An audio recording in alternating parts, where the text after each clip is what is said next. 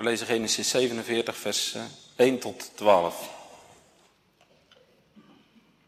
Toen kwam Jozef en boodschapte Farao en zei: Mijn vader en mijn broeders en hun schapen en hun runderen, met alles wat zij hebben, zijn gekomen uit het land Canaan. En zie, zij zijn in het land Gozen. En hij nam een deel van zijn broederen, te weten vijf mannen, en hij stelde hen voor Farao's aangezicht. Toen zei Farao tot zijn broederen: Wat is uw hantering, uw beroep? En zij zeiden tot Farao: Uw knechten zijn schaapherders, zo wij als onze vaderen. Oort zeiden ze tot Farao: Wij zijn gekomen om als vreemdeling in dit land te wonen. Want er is geen weide voor de schapen die uw knechten hebben, omdat de honger zwaar is in het land Canaan. En nu laat toch uw knechten in het land Gozen wonen. Toen sprak Farao tot Jozef, zeggende, uw vader en uw broeders zijn tot u gekomen. Egypteland, dat is voor uw aangezicht. Doe uw vader en uw broeders in het beste van het land wonen. Laat hen in het land Gozen wonen. En zo gij weet dat er onder hen kloeke, bekwame mannen zijn, zo zet hen tot veemeesters over hetgeen dat ik heb. En Jozef bracht zijn vader Jacob mede en stelde hem voor Farao's aangezicht. En Jacob zegende Farao. En Farao zei tot Jacob, hoeveel zijn de dagen der jaren uws levens? Jacob zei tot Farao, de dagen der jaren mijner vreemdelingsschappen zijn 130 jaren. Weinig en kwaad zijn de dagen der jaren mijns levens geweest. En hebben niet bereikt de dagen van de jaren des levens mijn vaderen, in de dagen hunner vreemdelingsschappen. En Jacob zegende Farao en ging uit van Farao's aangezicht. En Jozef bestelde voor Jacob en zijn broeders woningen. En hij gaf hun een bezitting in Egypteland, in het beste van het land, en in het land Rameses, gelijk als Farao, Farao geboden had. En Jozef onderhield zijn vader en zijn broeders en het ganse huis zijn vaders met brood, tot de mond der kinderen toe. Genesis 48. Het geschiedde nu na deze dingen dat men Jozef zei, zie uw vader is krank. Toen nam hij zijn twee zonen met zich, Manasse en Ephraim. En men boodschapte Jacob en men zei, zie uw zoon Jozef komt tot u. Zo versterkte zich Israël en zat op het bed. Daarna zei Jacob tot Jozef, God de Almachtige is mij verschenen te Lus in het land Canaan. En hij heeft mij gezegend. En hij heeft tot mij gezegd, ik zal u vruchtbaar maken en u vermenigvuldigen en u tot een hoop van volken stellen. En ik zal uw zaad na u dat land tot een eeuwige bezitting geven. Nu dan, uw twee zonen, die u, u in Egypteland geboren waren, voor ik in Egypteland tot u gekomen ben, zijn mijne, Ephraim en Manasse, zullen mijne zijn als Ruben en Simeon. Maar uw geslacht, dat gij na hen zult gewinnen, zullen uw zijn. Ze zullen naar hun broederen naam genoemd worden in hun erfdeel. Toen ik nu van Paddan kwam, zo is Rachel bij mij gestorven in het land Canaan op de weg als het nog een kleine streek lands was, om tot Efrat te komen. En ik begroef haar daar, aan de weg van Efrat, de welke is Bethlehem. En Israël zag de zonen van Jozef en zei, wie zijn deze? En Jozef zei tot zijn vader, ze zijn mijn zonen, die mij God hier gegeven heeft. En hij zei, breng hen toch tot mij, dat ik hen zegene. Maar Israëls ogen waren zwaar van ouderdom. Hij kon niet zien. En hij deed hen naderen tot hem. Toen kuste hij hen en omhelsde hen. En Israël zei tot Jozef, ik had niet gemeend uw aangezicht te zien. Maar zie, God heeft mij ook uw zaad doen zien. Toen deed hen Jozef uitgaan van zijn knieën. En hij boog zich voor zijn aangezicht neer ter aarde. En Jozef nam die beide, Ephraim met zijn rechterhand tegenover Israëls linkerhand en Manasse met zijn linkerhand tegenover Israëls rechterhand. En hij deed hen naderen tot hem. Maar Israël strekte zijn rechterhand uit en legde ze op het hoofd van Ephraim, hoewel hij de minste was, en zijn linkerhand op het hoofd van Manasse.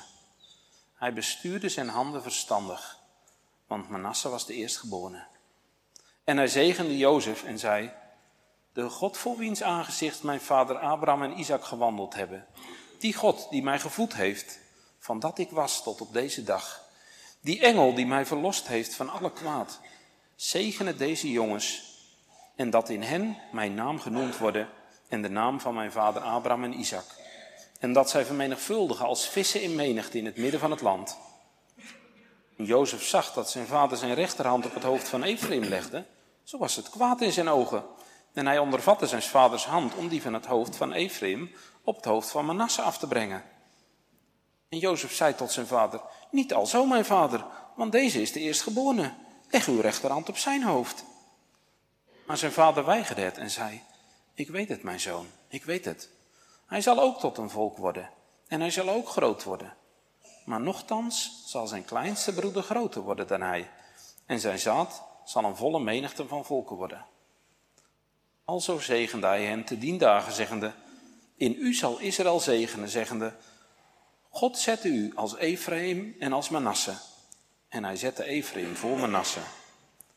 Daarna zei Israël tot Jozef, zie, ik sterf, maar God zal met u lieden wezen en hij zal u wederbrengen in het land van uw vaderen. En ik heb u een stuk land gegeven boven uw broederen, het welk ik met mijn zwaard en met mijn boog uit de hand van de Ammonieten genomen heb. Gemeente van morgen gaat het in de verkondiging van het evangelie vanuit het Oude Testament over Genesis 47, het gedeelte wat we gelezen hebben, en Genesis 48. Het thema is Jacob in Egypte. Drie aandachtspunten. Ten eerste, Jacob ontmoet de farao. In de tweede plaats, Jacob zegent de farao. In de derde plaats, Jacob adopteert de zonen van Jozef. Jacob is in het land Egypte aangekomen met zijn hele familie op uitnodiging van Jozef.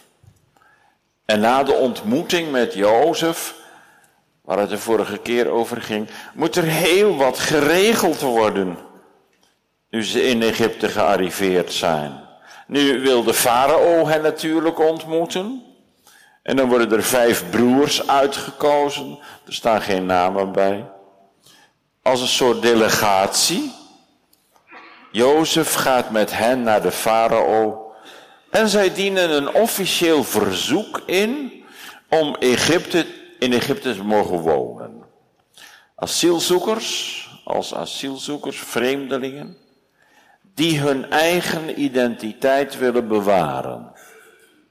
Farao wijst hen de provincie Gozen aan, het beste deel van Egypte. En hij vertelt dat de Egyptenaren schaaperders heel erg verachten. Daar moeten zij zeggen, zegt Jozef, dat ze veehouders zijn. Dat slaat vooral op koeien die je hebt. En waarschijnlijk is er toch iets misgegaan, want ze staan toch uh, te vertellen over dat ze schapen hebben en zo. Maar gelukkig heeft dat geen negatieve effecten. Bij de Hebreeën zijn schapen, geiten en runderen reine dieren. Maar de Egyptenaren hebben een heel andere selectie. En natuurlijk is het goed dat Jozef ook nog wat verdere culturele informatie geeft. Dat voorkomt altijd ongelukken. Farao zegt dat ze in het land Gozen mogen wonen. Dat gebied ligt in de Nijldelta. Vruchtbare grond. Het beste deel van het land staat er. En daarnaast nodigt Farao hen uit om een aantal mannen uit hun midden te leveren die opzichters kunnen worden over de kudden runderen van de farao. Een schitterend aanbod is dat. Er zullen er genoeg geweest zijn. Denk aan kleinkinderen van Jacob, die al een behoorlijke leeftijd hebben gekregen. Ongetwijfeld zijn ze daarop ingegaan. En zo ontmoet de farao eerst de broers van Jozef. En dan is het de beurt aan zijn vader. Het grote moment breekt aan dat Jacob voor de farao staat. Twee vorsten ontmoeten elkaar. De vorst van het machtige Egypte en een onbekende herdersvorst. De een is omringd door aardse luister en glorie en heerlijkheid. De ander gaat mank. En zijn lichaam is oud en verweerd. En hij draagt heel gewone kleren. Toch wordt die oude man de vorst Gods genoemd. Israël. Die naam begint steeds meer genoemd te worden in plaats van Jacob. De beide mannen vertegenwoordigen twee verschillende werelden. Er gaat ook iets heel bijzonders gebeuren trouwens. De Egyptische vorst toont grote belangstelling voor de oude vader van Jozef. Hij vraagt hem naar zijn leeftijd en dan antwoordt Jacob, de dagen van de jaren van mijn vreemdelingschappen zijn 130 jaren. Weinig en kwaad zijn de dagen van de jaren van mijn leven geweest. En ze hebben niet bereikt de dagen van de jaren van het leven van mijn vaderen in de dagen van hun vreemdelingschappen. Ja, zo zeiden ze dat op die manier toen. Het valt op dat zowel Farao als Jacob spreken over de dagen van de jaren. Wij tellen vaak de dagen niet. We spreken over weken, maanden, jaren. Maar dagen, dat ligt niet in onze gewoonte. Terwijl het op zich wel een teken is van broosheid en afhankelijkheid van de Heer. Wij leven zo snel dat de dagen eigenlijk niet meer meetellen. We zeggen het wel eens tegen elkaar, hè? Weer een week voorbij. Toch is het wijs om je dagen te tellen. Denk aan Psalm 90, Mozes. Leer ons alzo onze dagen tellen, opdat wij een wijs hart bekomen. Een wijs hart is een hart dat rekening houdt met God en met de eeuwigheid en met de eindigheid van dit leven. Wat ons ook opvalt in het gesprek, dat Farao spreekt tot Jacob, dat Jacob spreekt tot Farao over de dagen van mijn vreemdelingsschappen. Het typeert hij zijn leven mee. Vreemdelingsschappen. Hij overziet zijn leven en hij ziet dat als een vreemdelingschap. Waarom staat dat er zo? Wat bedoelt hij daar eigenlijk mee? Voelt Jacob zich een soort uh, kluizenaar?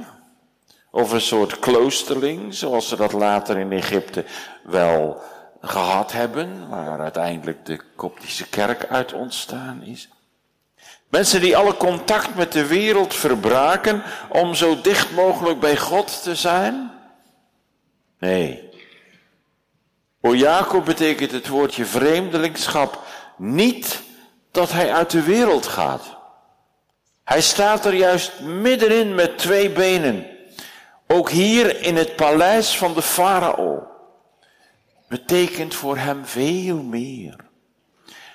Hoe je in de wereld staat. Dat wordt je vreemdelingschap. Hoe sta ik in de wereld?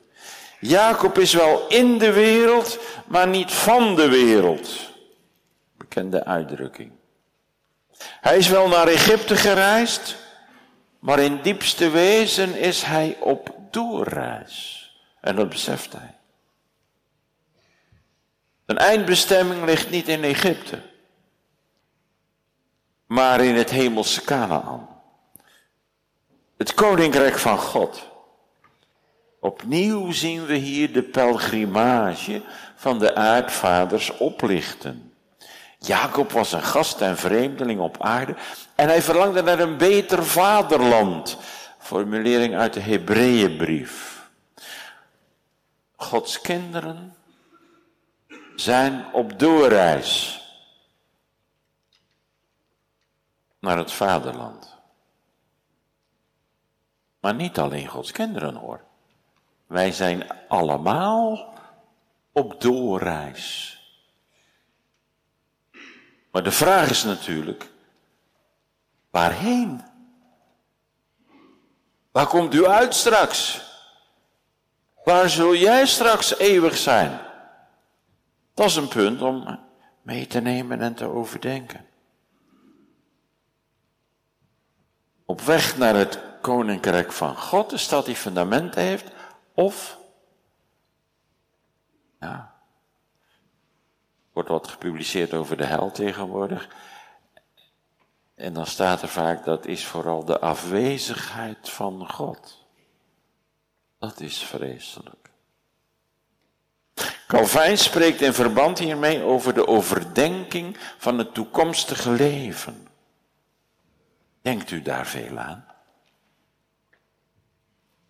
Aan het toekomstige leven, wat in het verschiet ligt. Is daar uw verwachting op gericht?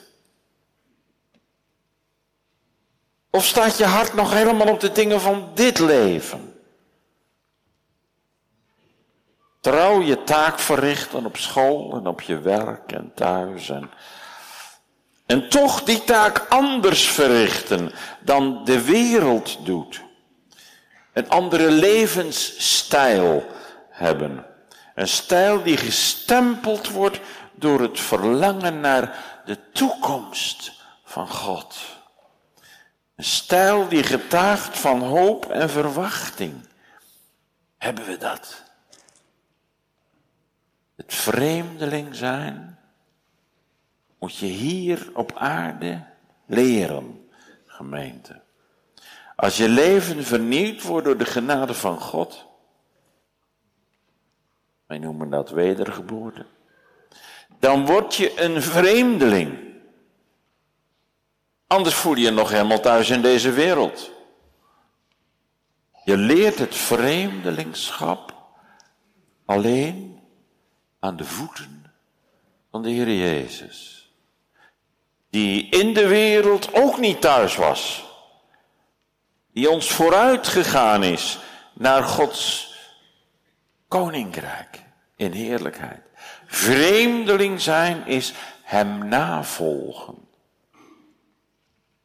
En ook soms zijn smaadheid dragen. Dat hoort erbij. De dagen van mijn vreemdelingschap zijn weinig en kwaad geweest, zegt Jacob tegen de farao. Eerste gezicht denk je, dat die gewoon staat te overdrijven.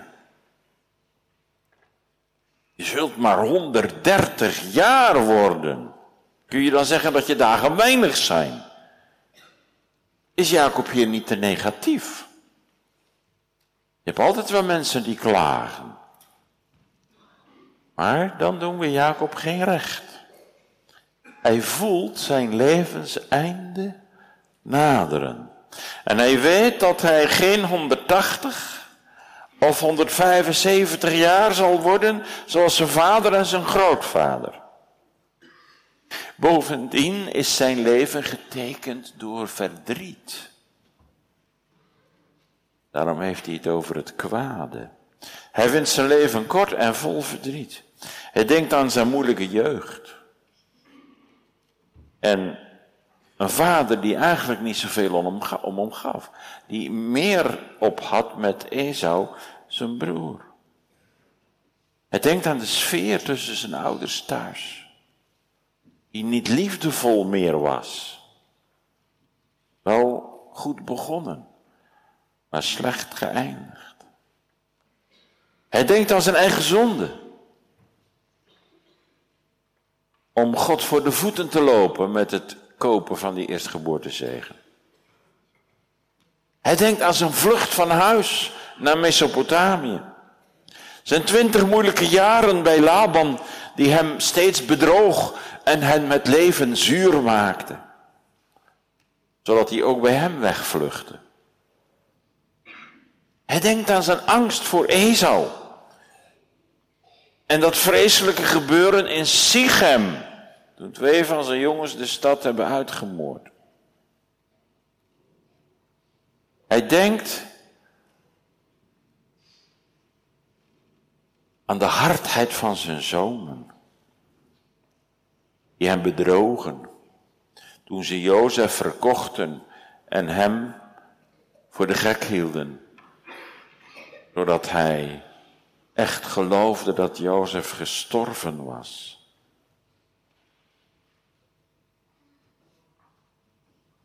Jacob, kwaad zijn de jaren van mijn vreemdelingschappen geweest, zegt hij. Oh ja, als je nou al die dingen hoort. Denk eens aan de vroege dood van zijn lievelingsvrouw, Rachel. En die twintig jaren van eenzaamheid zonder Jozef. Nee, als, als Jozef het leven overdenkt, dan vindt hij al zijn levensjaren zijn kwaad geweest. Als hij in onze tijd geleefd zou hebben, zou hij misschien wel in een rolstoel gezeten hebben voor de farao. En laten we het dan nog maar niet hebben over zijn kinderen, Simeon en Levi, Schandaat, in en Juda, die wegging en trouwde met een heidense vrouw. En Ruben, die naar bed ging met zijn bijvrouw Bilha. Nou, het is al een heel rijtje wat we nu hebben opgenoemd, wat moeilijk was voor Jacob. Kwaad. Misschien dat oudere mensen zich hier een klein beetje in herkennen. Ze merken het haarscherp als jongeren vinden dat ze klagen. Als ze vertellen over hun moeite en hun zorgen die ze hebben. En dat is erg. Dat maakt hen eenzaam. Jongelui, heb toch respect voor het leven van ouderen. Juist ook als ze door de diepte gaan en daarover vertellen. De ene kant moeten ouderen niet alleen maar over hun tegenspoeden spreken. Spreek maar meer over de trouw van God in uw leven. Dat doet Jacob ook. Tussen de regels door proef je wel zijn geloof. Dat de Heer hem in alles doorgeholpen heeft. Het geloof van zijn vreemdelingschap hield hem op de been. Het beste komt nog, dat wist hij, dat beleefde hij, daar zag hij naar uit. Paulus zegt in 1 Korinthe 5, als we alleen in dit leven op Christus hopen, dan zijn we toch de ellendigste van alle mensen. Heeft dat vlees en bloed in uw leven, die, die, die tekst? Hoe is het met Jacob? Niet. Hem is een beter lot bereid. Zijn heilzon is aan het dagen. En als Jacob voor de farao staat, dan gebeurt er iets ontroerends. Dan strekt, jongens en meisjes, dan, dan strekt Jacob zijn hand, zijn armen uit. En hij zegent de farao. Tot twee keer toe, aan het begin en aan het eind van het gesprek. We mogen aannemen dat Jacob Farao gezegend heeft in de naam van zijn God. De God van Abraham, Isaac en Jacob. De Heere die zelf hem zo gezegend had. Het is toch wel opvallend dat Jacob dit doet. Wij mogen wel concluderen dat in Gods ogen Jacob de meerdere is van hen beiden. En dat is geen kwestie van leeftijd. Maar Jacob staat in verbinding door het geloof met God de Allerhoogste, de Eljoon. En Hij heeft een geestelijke rijkdom waarbij glorie en luister van Farao in het niet valt. We weten immers dat deze aardse werkelijkheid voorbij gaat en dat de hemelse werkelijkheid blijft. En het is die geestelijke rijkdom waarvoor Esau juist de schouders had opgehaald en die hij verkwanselde voor een schotel linzenmoes. Maar inmiddels zijn we gekomen bij het tweede aandachtspunt. Jacob zegent de farao. We lezen dat in vers 7 en vers 10. Vers 7, Jozef bracht zijn vader Jacob mee en stelde hem voor Farao's aangezicht en Jacob zegende Farao. En vers 10, en Jacob zegende Farao en ging uit van Farao's aangezicht. Zegenen. Er zijn wel vertalingen die het woordje begroeten gebruiken. En het werkwoord barak kan dat ook betekenen. Maar juist hier is die verklaring onwaarschijnlijk. Trouwens, je hoeft niet eens te kiezen tussen zegenen en begroeten, want beide betekenissen kunnen gecombineerd samen voorkomen. Iemand met een zegen begroeten. Maar in dit gesprek tussen uh, Jacob en Farao kiezen we heel bewust voor het woordje zegenen. En alle vertalingen die wij meestal gebruiken, die uh, kiezen daar ook voor. Naar menselijke maatstaven gemeten is de farao de belangrijkste. En toch zegent Jacob de vorst van Egypte. En in Hebreeën 7 staat dat degene die gezegend wordt minder is dan degene die zegent. Zo is het ook hier. Farao is minder dan Jacob.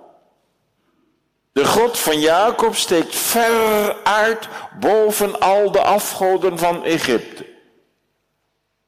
Dit is heel leerzaam. We denken dat levensgeluk aan de kant van de farao zit. Materiële welvaart, machten, aanzien, hebben grote aantrekkingskracht. Maar het stelt weinig voor. Het is Jacob die zegent. In de wereld telt hij niet mee, maar ondertussen zegent hij wel de heerser van de wereld. De heerser van heel Egypteland.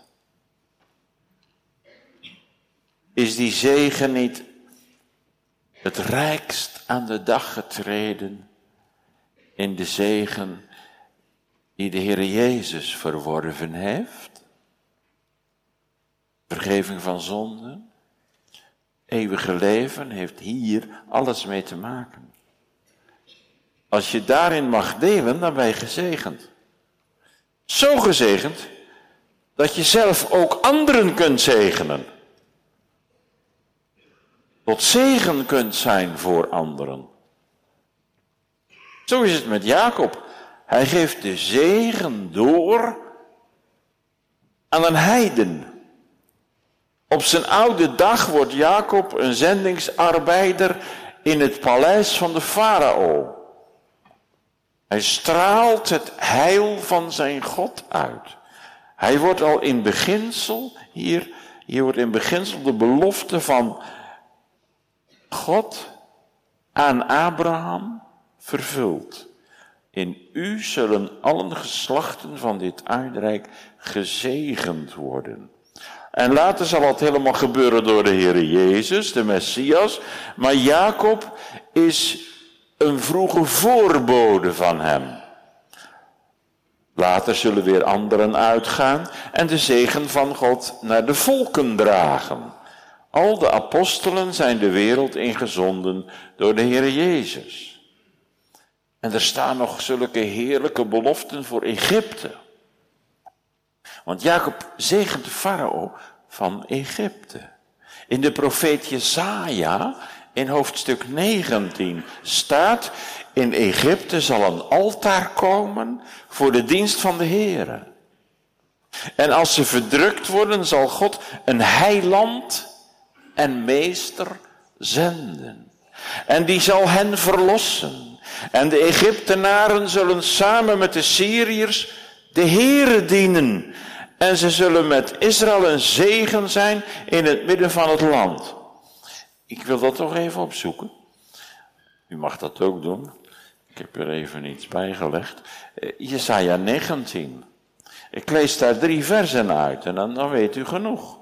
Ik lees vers 21 eh, van uh, Jesaja 19.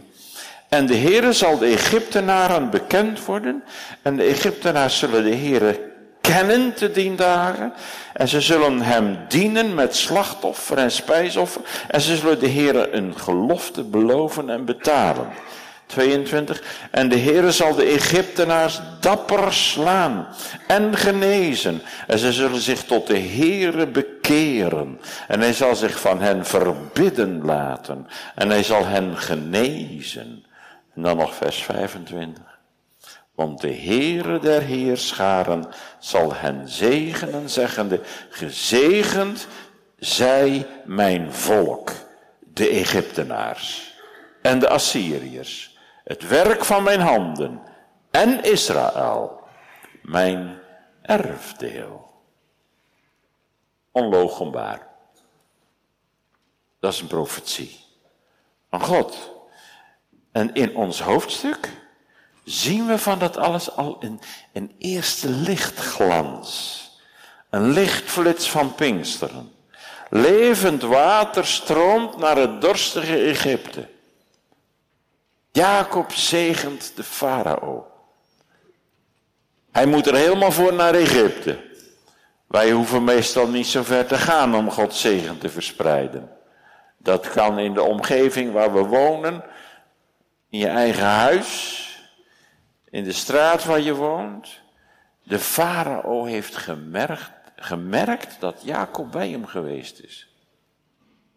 Merken onze buren dat ook van ons? Laten we toch in alle eenvoud proberen iets door te geven van de rijke zegen die we zelf van de Heere God ontvangen hebben. Dat hoeft niet altijd in woorden. Dat kan ook in dienstbetoon. Juist in kleine dingen is de zegen van de Heere groot. Maar de naam Jezus is nu in ons Nieuwe Testamentische periode toch wel het belangrijkste. En daarom heb ik een vraag aan uw gemeente. En dat is deze vraag. Zegent u ook wel eens andere mensen? Je mag zelfs je hand op hun hoofd leggen of zo opsteken. Als ze verdrietig zijn. Of een moeilijke opdracht krijgen. Als ze verhuizen. Of uw eigen kinderen als ze u raad komen vragen. Ja, zegt u maar. Zijn gewone gelovigen daartoe dan bevoegd? Zeker. Absoluut bevoegd. Jezus zegende zijn discipelen bij de hemelvaart. De oud-testamentische priesters zegenden het volk in de naam van de Heer. Priesters zegenen het volk. Denk aan de bekende priesterzegen. De, nummer 6. Hè, de Heere zegene u en hij behoede u. De Heere doet zijn aangezicht over u lichten en zij u genadig. De Heere verheffen zijn aangezicht over u en geven u vrede. Die woorden klinken altijd nog in de synagogen en in veel kerken. Onder Gods zegen, onder Gods bescherming, kan niets ons overweldigen of onze ondergang worden. Soms zijn we alleen maar bezig met onszelf. ken niet steeds maakt de toepassing, maar, maar dat, dat doet u toch wel. Hè? Met onze eigen plannen zijn we dan heel druk. Maar betrekken wij er God nog bij? Kijken we wel eerst omhoog? We vergeten toch niet wie we zijn in Christus? Of bent u niet in Hem? Een gezegende zoon of dochter van de Allerhoogste God. Ja, maar ik zie alleen maar ellende om me heen. Kijk dan meer naar boven. Naar de gezegenende handen en de zegenende handen van Christus. De littekens van het kruis zitten er nog in. Alle schaamte en verwijten en schuldgevoel mag je van je afschudden. Want Jezus zegt, ik heb je vergeven. Ik gaf mijn leven voor jou. Je bent een zoon van de koning. Omarm die identiteit en ga terug naar je roeping en maak vandaag opnieuw weer de keus om onder de zegenende handen van Jezus te leven. Hij is de bron van alle natuurlijke zegeningen, maar ook van alle geestelijke zegeningen. Geef zijn zegen door. Ja, maar hoor ik weer, dat kunnen toch alleen ambtsdragers, dat mogen toch alleen ambtsdragers doen? Nou, de ouderlingen hebben nog niet eens de bevoegdheid om de zegen op de gemeente te leggen. Daar klopt niks van hoor, maar dat is onze praktijk. Kan een gewoon gemeentelid dan ook iemand zegenen? U hebt dat natuurlijk wel eens gehoord en gedacht en, oh ja, dat doen ze geloof ik bij de charismatischen, hè? Ja, en bij ons, bij ons niet. Dat is niet goed. De Bijbel spoort alle gelovigen aan om anderen te zegenen. Net als de farao gezegend wordt door Jacob. De aartsvaders hebben hun kinderen gezegend voorafgaand aan hun sterven. Laat ik nu eens paar gewoon twee teksten noemen waarin uit het Nieuwe Testament waarin gelovigen worden aangespoord om anderen te zegenen. Denk eerst aan Lucas 6. Zegen degenen die u vervloeken. Dat is gewoon tot, tot, tot gelovigen gezegd. En bid voor degenen die geweld aandoen. Petrus, er zijn heel veel teksten te noemen hoor, maar Petrus nog. 1 Petrus 3 vers 9. Vergeld geen kwaad voor kwaad. Als u wordt uitgescholden, scheld dan niet terug, maar zegen juist opdat u ook zelf zegen ontvangt, want daartoe bent u geroepen. Dus de Bijbel zegt dat wij anderen zullen zegenen. Rebecca wordt gezegend als het huis uitgaat om te trouwen. Er zijn zoveel voorbeelden in de Bijbel. Een stille zegenwens. Je ziet iemand en je wenst hem of haar de vrede in Christus zegenend groeten. Je wenst de ander het beste, het goede, de genade, de vrede van God. Want wat is nu eigenlijk zegenen? Nou, als je dat, eh, we pakken dat nu uit het Nieuwe Testament, in die tijd leven wij. Uit wie Grieks kent, die eh, zegt al, ja. Is goed. En logei, logos, het woord, logei, spreken. Goed spreken. Dat staat er letterlijk voor het woordje zegenen. Goed spreken van God. Goed spreken over de genade van God. Goed spreken over de Heer Jezus Christus. Goed spreken over zijn vrede, over die heerlijke toekomst. En dat we welkom zijn bij God. Dat is zegenen. Een zegen is niet een soort toverformule opzeggen. Dat het goed zal gaan. Of dat er automatisch een stukje geluk overgegoten wordt of zo. Als je maar de juiste zegenformule gebruikt, dat doen de heidenen. Dat is heidens. Dat hebben we ook wel meegemaakt in Papua. En naast die zegen was er ook de vloek. De vervloekte een kind. En dan stierf het. Waarom? Omdat de ouders er niet meer goed voor zorgden, want het was toch vervloekt. Zegen en vloek. Denk aan Balak, die huurde Biliam af om Israël te vervloeken. Maar God liet hem Israël zegenen. Letterlijk betekent zegenen dus goede woorden uitspreken, het evangelie uitspreken. Tot anderen, over anderen. Wij geloven dat er maar één is die echt zegenen kan en dat is God. Dus ik heb als pastor niet een voorraad zegen op zak, die ik dan zondags uit kom delen en door de week in het pastoraat. Nee, God heeft zegen in overvloed. Jezus heeft het allemaal verdiend. Alleen God zegent. Hij zegt het goede toe. Daar kan geen mens over beschikken. Maar zegenen wordt gewoon door een mens uitgesproken. En dat kunt u zijn. Gelovige in Christus. En ik hoop het straks weer te doen aan het eind van de kerkdienst. Zegenen is meer dan bidden. Jacob zegent de farao. Hij sprak goede woorden uit. Hij verkondigde eigenlijk het evangelie aan farao. Zo kun je het gewoon stellen. Zegenen is namens God toezeggingen doen. En beloften meegeven.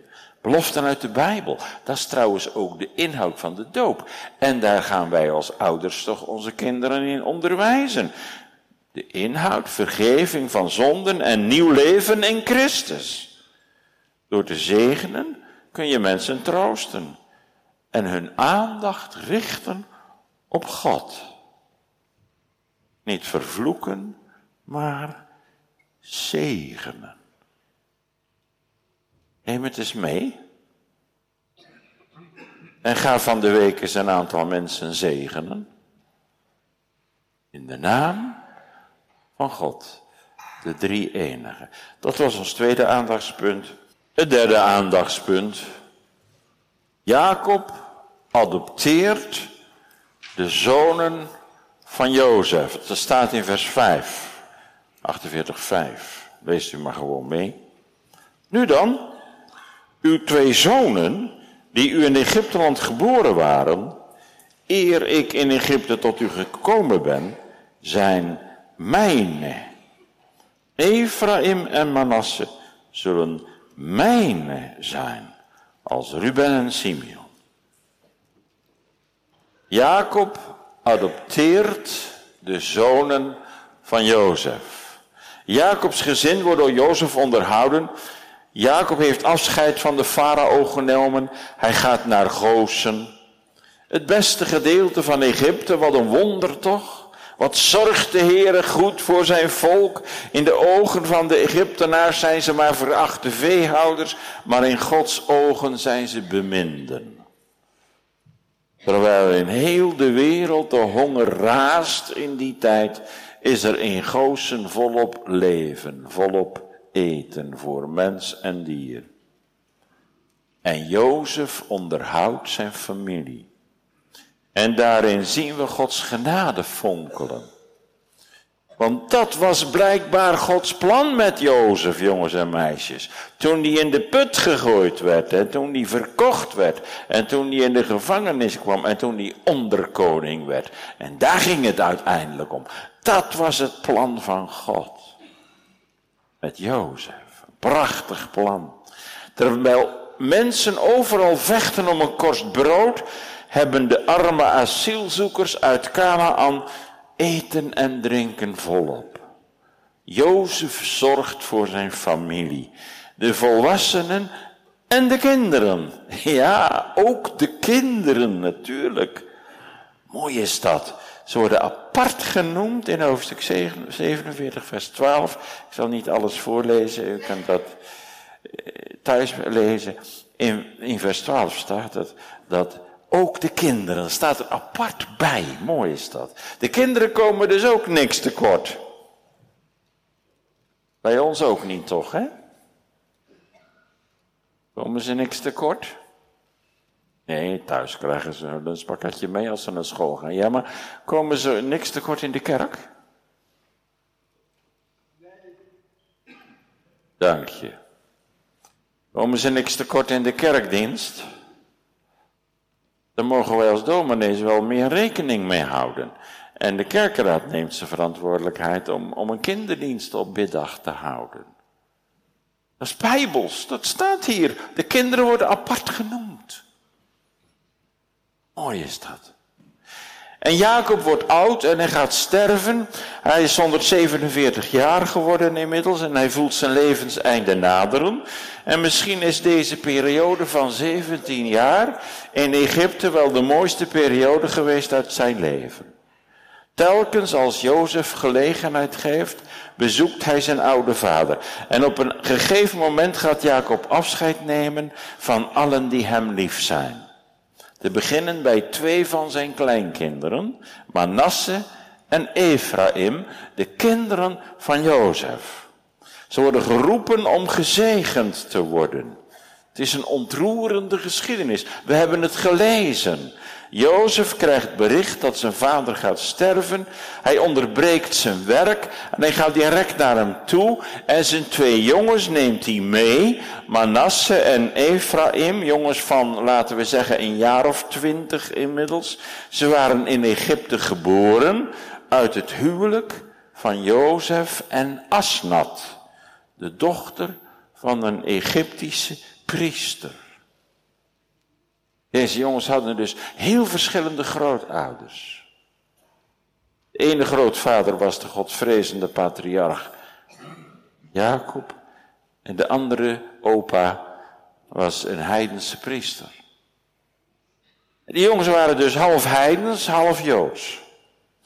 En nu staan ze samen met hun vader bij het sterfbed van Jacob. Jacob ziet ze en hij zegt, deze beide kinderen die hier in Egypte geboren zijn, die zullen van mij zijn. Vers 5. Hij adopteert ze. Ik beschouw ze als mijn eigen kinderen. Net als Ruben en Simeon. Zo adopteert Jacob deze beide zonen van Jozef. Hij geeft ze dezelfde rechten als zijn eigen kinderen. Later blijkt dat deze adoptie werkelijkheid geworden is. Bij de verdeling van het land Canaan krijgen Manasse en Ephraim ook hun erfdeel, hun erfenis. Net zoals de andere zonen van Jacob. Jacob adopteert dus twee kleinkinderen. En je kunt je afvragen, waarom doet hij dat? Ze waren in Egypte geboren en ze zouden naar het zich laat aanzien in Egypte blijven wonen, hun positie, hun baan krijgen en trouwen. En... Maar Egypte was een heidens land. Een land vol afgoden. Daar zouden ze vermoedelijk wel een goede carrière opbouwen en veel bereiken. Vader is immers onderkoning. Maar wat doet Jacob nu? Hij haalt een streep door die toekomst in Egypte en hij stelt daar een andere toekomst voor in de plaats. Jacob wil met, met die adoptie zeggen, deze jongens zijn niet bestemd voor Egypte, maar voor Canaan. Deze jongens horen bij het verbond, ook al zijn ze misschien niet eens besneden. Wij kunnen van deze adoptie het echt het een en ander leren. Allereerst denk ik aan mensen die, die zelf kleinkinderen mogen hebben. Denken wij als grootouders ook om het geestelijk welzijn van onze kleinkinderen. Bid u voor uw nageslacht kunnen soms zo trots zijn op onze kleinkinderen, wat ze allemaal bereiken in de wereld. De een is arts en de ander is rechter en, en zo. En, en we raken er niet over uit verteld, maar waken wij ook over hun eeuwige welzijn? Over het eeuwige toekomst van onze kleinkinderen? We dragen het teken en zegel van Gods verbond aan hun voorhoofd. Dat kun je niet meer ongedaan maken. Dat blijft geldig bij God. Ook als ze afdwalen. Zijn we ermee bezig, gemeente. En nog een les. was gisteren nog even in, in de krant, geloof ik. Uh, over pleegzorg, dat er zo'n enorm tekort aan is. Dat er in 2000 1 op de 27 kinderen in de jeugdzorg terecht kwam en nu 1 op de 7. Zo idioot is onze wereld waarin we leven en dat komt door allerlei zonden tegen Gods geboden. Maar denk even over adoptie of pleegzorg. Waarom doen ouders dat? kan zijn dat ze zelf geen kinderen kunnen krijgen, maar anderen die, die hebben wel zelf kinderen en adopteren toch kinderen of, of zijn pleeggezin. Wat is dat een prachtige roeping. Ja, dat kan heel moeilijk zijn. Zeker als het kinderen zijn die, ja, wat, wat, wat, wat afwijkingen hebben of zo. Maar waarom doe je dat? Ja, om die kinderen een goede toekomst te geven in de, in de wereld. Ja, ja, ja, maar toch allermeest om de naam van de Heer Jezus aan hen door te geven. Toch allereerst om het geloof en om het koninkrijk van God. Nou, dat is een les die we mogen meenemen. En jonge vrienden, kies toch voor de Heer en voor zijn koninkrijk. Het is heel opvallend dat Manasse en Ephraim een heidense moeder hebben en toch bij het verbond mogen horen. Dat blijkt uit wat Jacob hier doet. Jacob had kunnen zeggen, Manasse en Ephraim horen niet meer bij de lichtkring van het verbond. Dat zijn halve heidenen. Maar nee, hij betrekt ze er juist bij. En dat is de liefde, als vrucht van het geloof. In Jacobs liefde glanst hier iets van de liefde van de Heere Jezus voor het verloren. Want hij is gekomen om te zoeken en zalig te maken wat verloren is. Hij schrijft niemand af. Zelfs een geldwolf als Zacchaeus niet. Jacob zegent zijn kleinkinderen.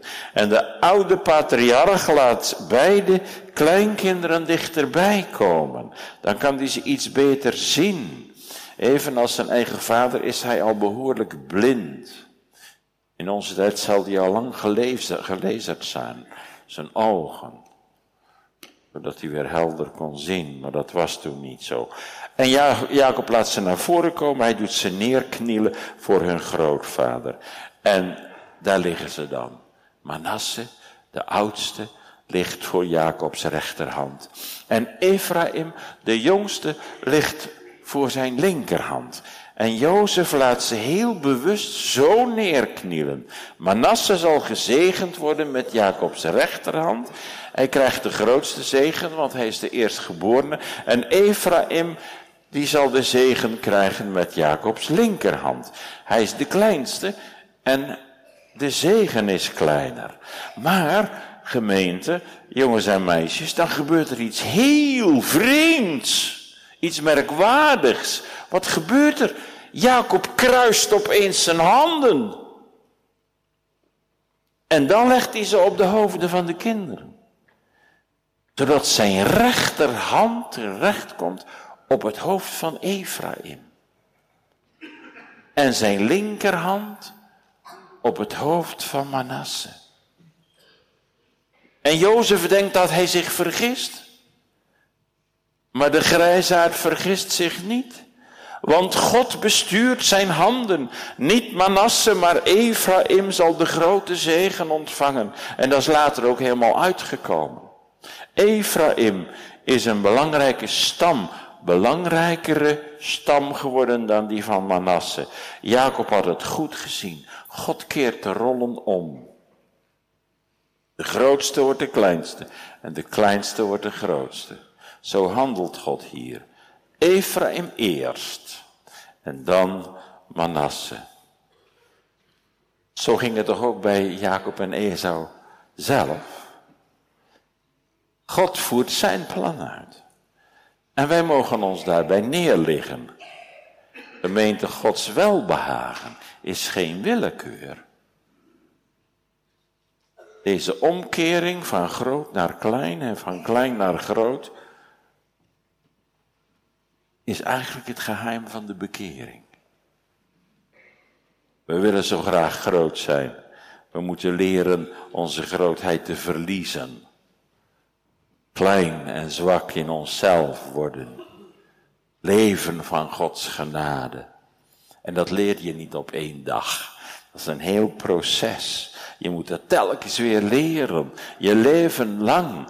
En je bent er zo goed mee. Want het onedele en het verachten heeft God uitverkoren, zegt hij. Als Jacob zijn kleinkinderen gezegend heeft, dan volgt er nog wat. Dan gaat hij profiteren. Hij zegt tegen Jozef, ik ga sterven, maar God zal met jou zijn. En hij zal je terugbrengen in het land Canaan. En daar zal jouw nageslacht wonen. Hoe weet je dat allemaal? Wel, dit is een profetie hij krijgt van God. De Heere heeft dat aan Jacob beloofd, dat zijn nakomelingen in het land Canaan zouden wonen. Jacob gelooft wat de Heere heeft beloofd. Dat is normaal. Als je de Heere vreest. Dan geloof je wat de Heere heeft beloofd en daar leef je uit. Het zal nog wel lang duren voordat deze profetie vervuld is. Nog meer dan 400 jaar. Hij zal dwars door de omstandigheden heen, heen gaan. Maar het, het zal gebeuren, omdat God het heeft gezegd. En dat is een bemoediging voor ons, gemeente. Vooral in onze tijd. Zoveel dingen zijn onzeker geworden. In de wereld waarin wij leven in de politiek, kerk. Maar één ding staat als een paal boven water. De Heere zal doen wat hij beloofd heeft. Ik ben met u. Heeft hij veel beloofd? Ik zal u zonden vergeven. Ik zal u niet begeven en ik zal u niet verlaten. Ik zal helpen het kruis te dragen. Ik zal het eeuwige leven schenken. Zijn beloften falen niet. Laten we te midden van alles wat wankelt, dat vasthouden. Kinderlijk gelovig. Ook als het wordt aangevochten.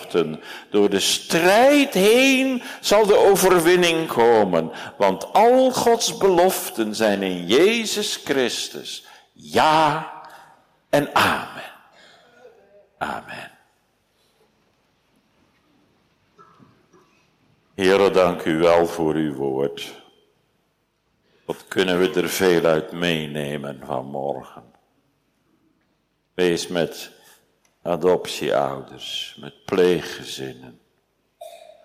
Geef, heren, dat we onze kleinkinderen geestelijk coachen en in de gaten houden en proberen ook voor te leven wat het zeggen wil om u te dienen en te verheerlijken. Tegen u, heren, de zondagschool, de leiders en de kinderen Laat die heerlijke boodschap als het zaad in hun hart gestrooid worden, zodat het later mag opkomen en vrucht dragen. Zegen de tweede dienst vandaag. Laat uw dienstknecht met alle vrijmoedigheid de naam van de Heer Jezus verkondigen. Tot eer van u en tot uitbreiding van uw koninkrijk. Om Jezus wil. Amen.